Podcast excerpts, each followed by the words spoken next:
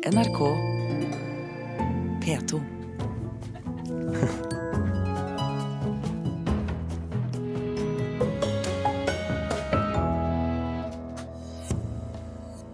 Fremskrittspartiet vurderer å gå ut av samarbeidet de har med Høyre i Tromsø. En avtale om samisk språk ødelegger. Og det nye ungdomskoret Defrost satser på gull i eh, EM. Vi er jo flinke, vi er jo på et høyt nivå, så vi burde jo klare det. Og Peder Losnegård, bedre kjent som Lido Lido, er ute med nytt album. Vi anmelder albumet her i Kulturnytt. Som i dag er med Birger Kolsrud Jåsund i studio. Fremskrittspartiet Tromsø vurderer å trekke seg fra samarbeidet med Høyre hvis kommunen inngår samarbeidsavtale med Sametinget i dag. Den nye avtalen skal bl.a. sørge for økt bruk av samisk språk, men Fremskrittspartiet hevder en slik avtale er et løftebrudd overfor velgerne. Høyre forsvarer avtalen. Nå har vi muligheten til å, å, inngå en avtale som uh, i all hovedsak er en formalisering av det som allerede gjøres. Men uh, det er en veldig viktig symbolverdi i, uh, i, det vi nå gjør. Det er snart to år siden vi gikk til valg, og vi gikk til valg på at vi skulle trekke den avtalen med Sametinget som Arbeiderpartiet og SV hadde fått utarbeidet. Det gjorde at vi vant valget. Spesielt Høyre fikk mange stemmer på bakgrunn av at de hadde sagt de skulle trekke avtalen. Da er det ikke slik at man knapt to år etterpå legger fram en ny avtale med Sametinget. Da har man lurt folk, da har man svikta folk, og man har ført folk bak lyset. Ordfører i Tromsø Jens Johan Hjort og gruppeleder for Fremskrittspartiet i Tromsø Jan Blomseth er vanligvis samarbeidspartnere. Men samarbeidsavtalen mellom Sametinget og kommunen splitter de borgerlige. Sjøl innad i ordførerens eget parti, Høyre. Altså, jeg har respekt for at det er ulike syn eh, om denne saken. Det har jeg ingen problemer med å se, men eh, vi har også nå fått en eh, utredning som viser at uh, dette nesten ikke har økonomiske konsekvenser overhodet.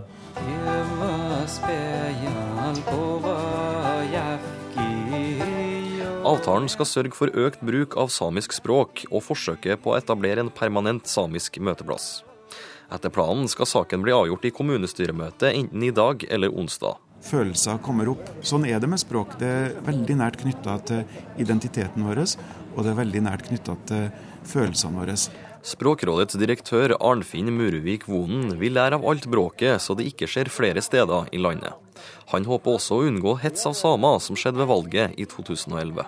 Det er veldig bra og viktig at man diskuterer språkpolitiske spørsmål. Man skal ikke være redd for å diskutere de spørsmålene, man må bare eh, gjøre det på en ordentlig måte.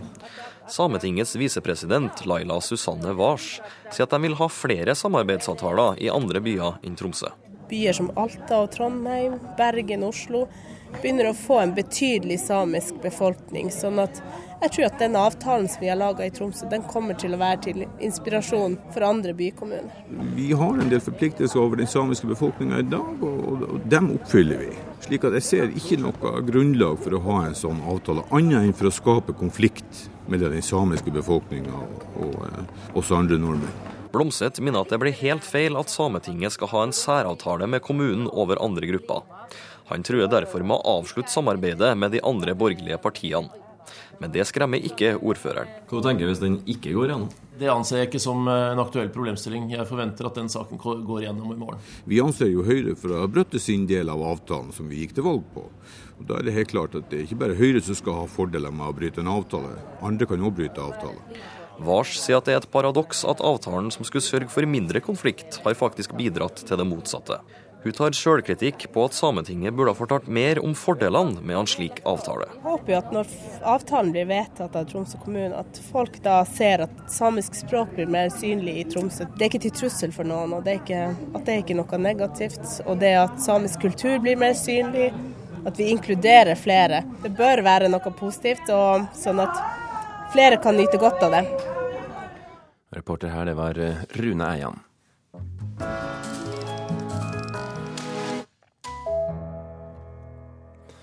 Det lekker vann fra utendørsamfiet og inn i det nye konserthuset i Stavanger. Selv om skadene er små, må deler av amfiet, plenen og et plantefelt trolig fjernes for å finne årsaken, og arbeidene vil koste minst fire millioner kroner, ifølge anslag.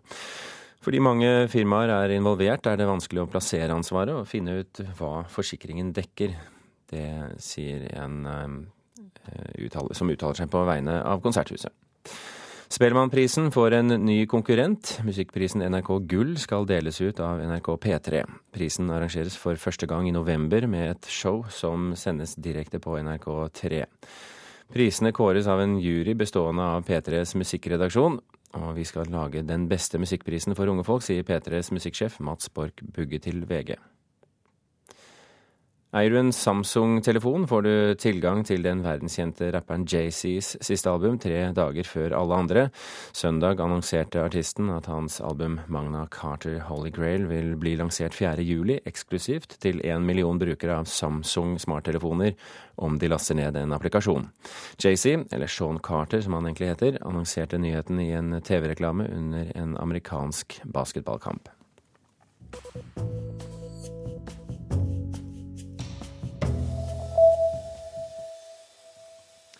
Det er lett å sammenligne dagens tekstilindustri i India med norsk tekstilindustri for 100 år siden. Det går fram av en ny utstilling på Norsk Trikotasjemuseum i Bergen. I Dagsrevyen i går kunne du høre LOs nye leder påpeke at arbeiderrettigheter ikke er noe som kommer av seg selv, ei heller for tekstilarbeidere i India. Åshild Sunde Feiling Thorsen, prosjektleder for utstillingen Stoff, støy, strev på Norsk Trikotasjemuseum. Hva slags utstilling er dette egentlig? Ja, eh, dette er en utstilling eh, som er basert på et prosjekt målt på med nå på Norsk Trikotasjemuseum i halvannet års tid, eh, som omhandler dagens tekstilindustri. Men det handler jo om tekstilindustrien historisk, der vi drar en rød tråd tilbake til, til Salhus og industrien i Norge. Og I utstillingen så får da publikum de får, møte, de får et møte med dagens tekstilindustri. Og eh, de får eh, gjennom noen videoer møte arbeidere i eh, den sørindiske byen Bangalore. Og de får lære mer om fagforeningsarbeid både i Bangalore og i Salhus. Og de skal òg få et inntrykk av boforholdene til dagens tekstilarbeidere. Hvem, hvem er det dere ser for dere at dere snakker til med denne utstillingen? Vet du hva, Jeg tror det kan være forbrukere generelt. Eh, klær er jo noe som alle har et forhold til, som alle tar på oss hver dag. Eh, så jeg tror dette er en utstilling som, bør, eh, som mange bør få med seg, og som mange kan være interessert i. Men selvfølgelig som museum og som formidlere, så spesielt for skoleungdom og en ny forbrukergenerasjon tror jeg absolutt burde få med seg denne utstillingen. En, en, sammenligning mellom dagens uh, arbeider i India og norske tekstilarbeidere for 100 år siden. Hva er det dere ønsker å oppnå med den sammensetningen der?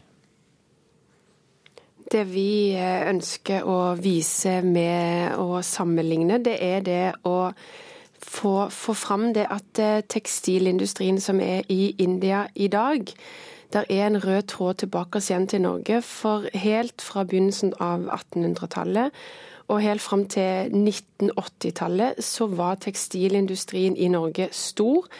Eh, det var masseproduksjon av klær i, i Norge til, eh, til, folk.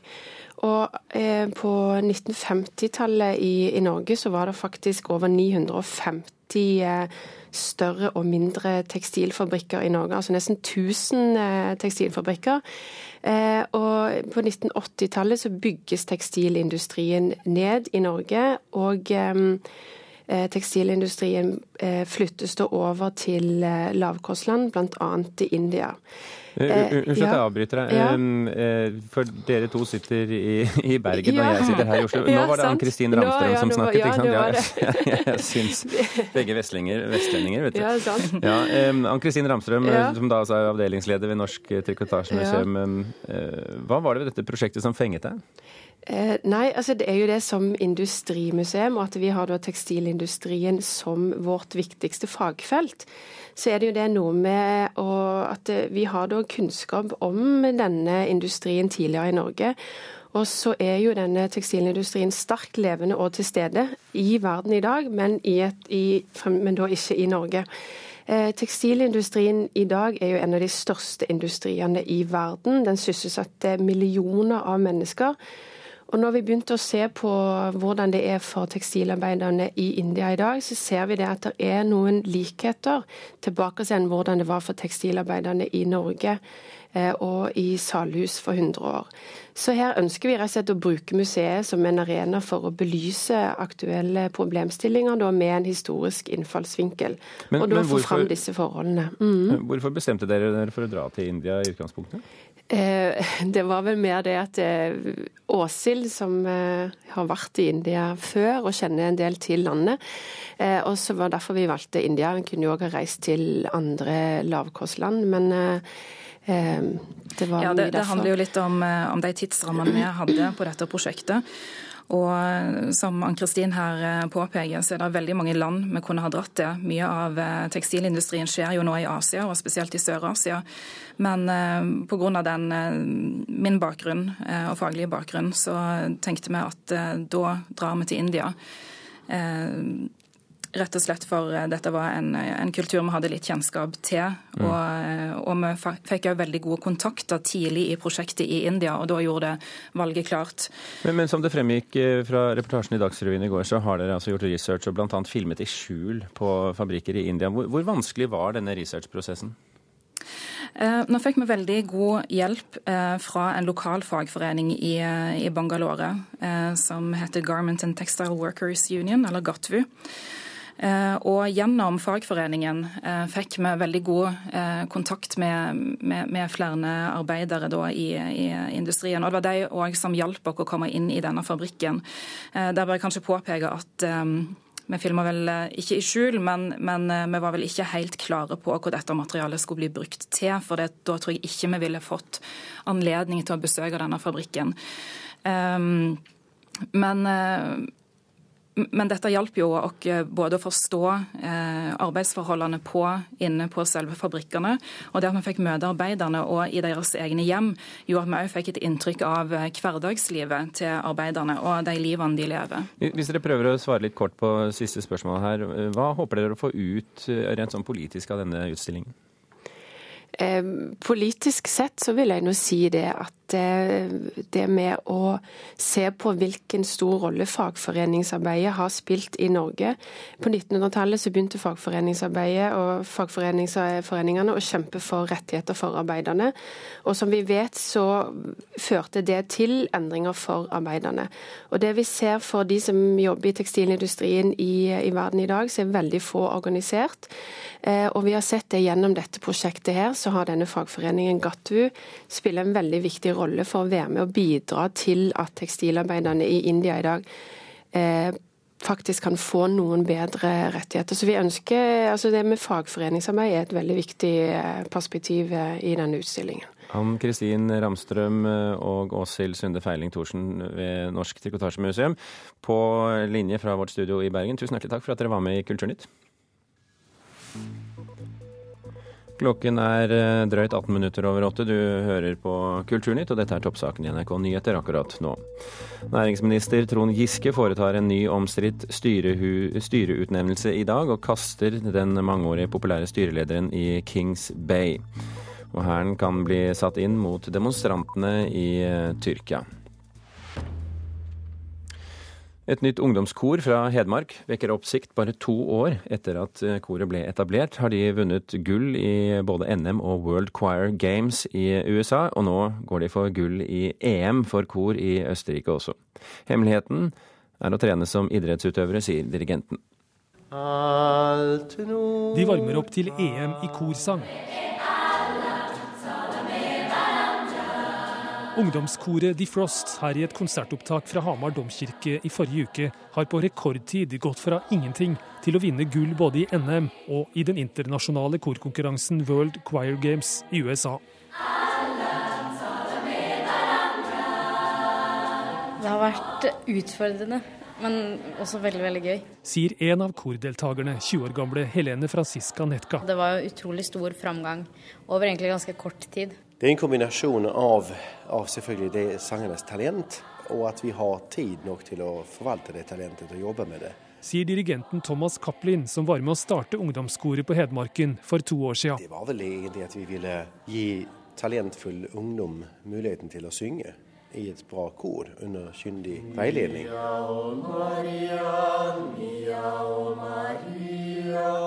De øver to ganger i uka. Alle de 27 kordeltakerne mellom 14 og 26 år har vært gjennom prøvesynging.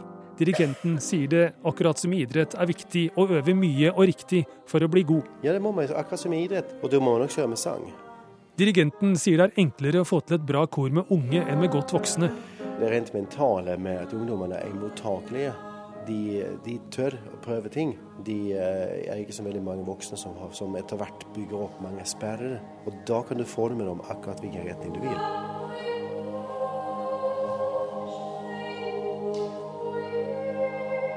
Koret satser ikke bare på konkurransene.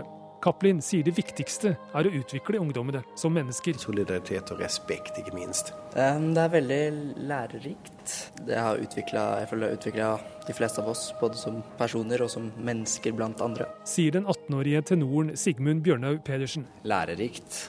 Eh, jeg har utviklet meg veldig mye innenfor sang, også som menneske. Den 16-årige bassen Stinius August Christoffersen angrer ikke på at han ble med i ungdomskoret. Jeg er blitt mer eh, voksen, da, føler jeg. At jeg, liksom, jeg har forandret meg en del ved å være med i det miljøet her.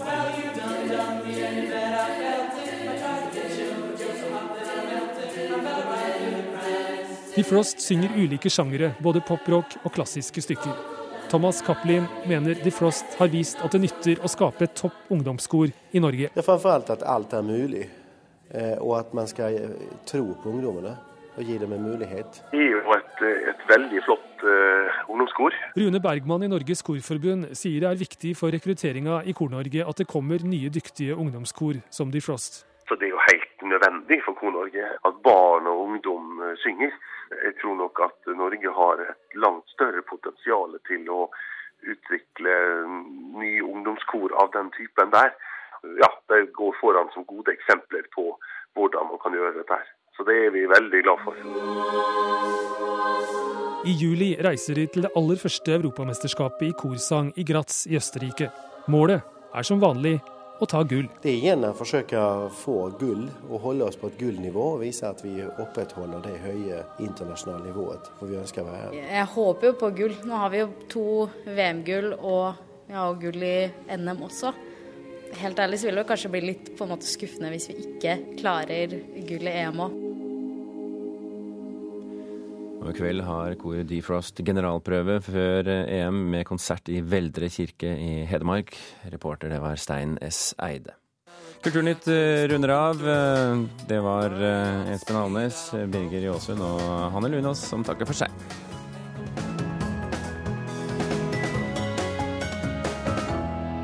Hør flere podkaster på nrk.no podkast.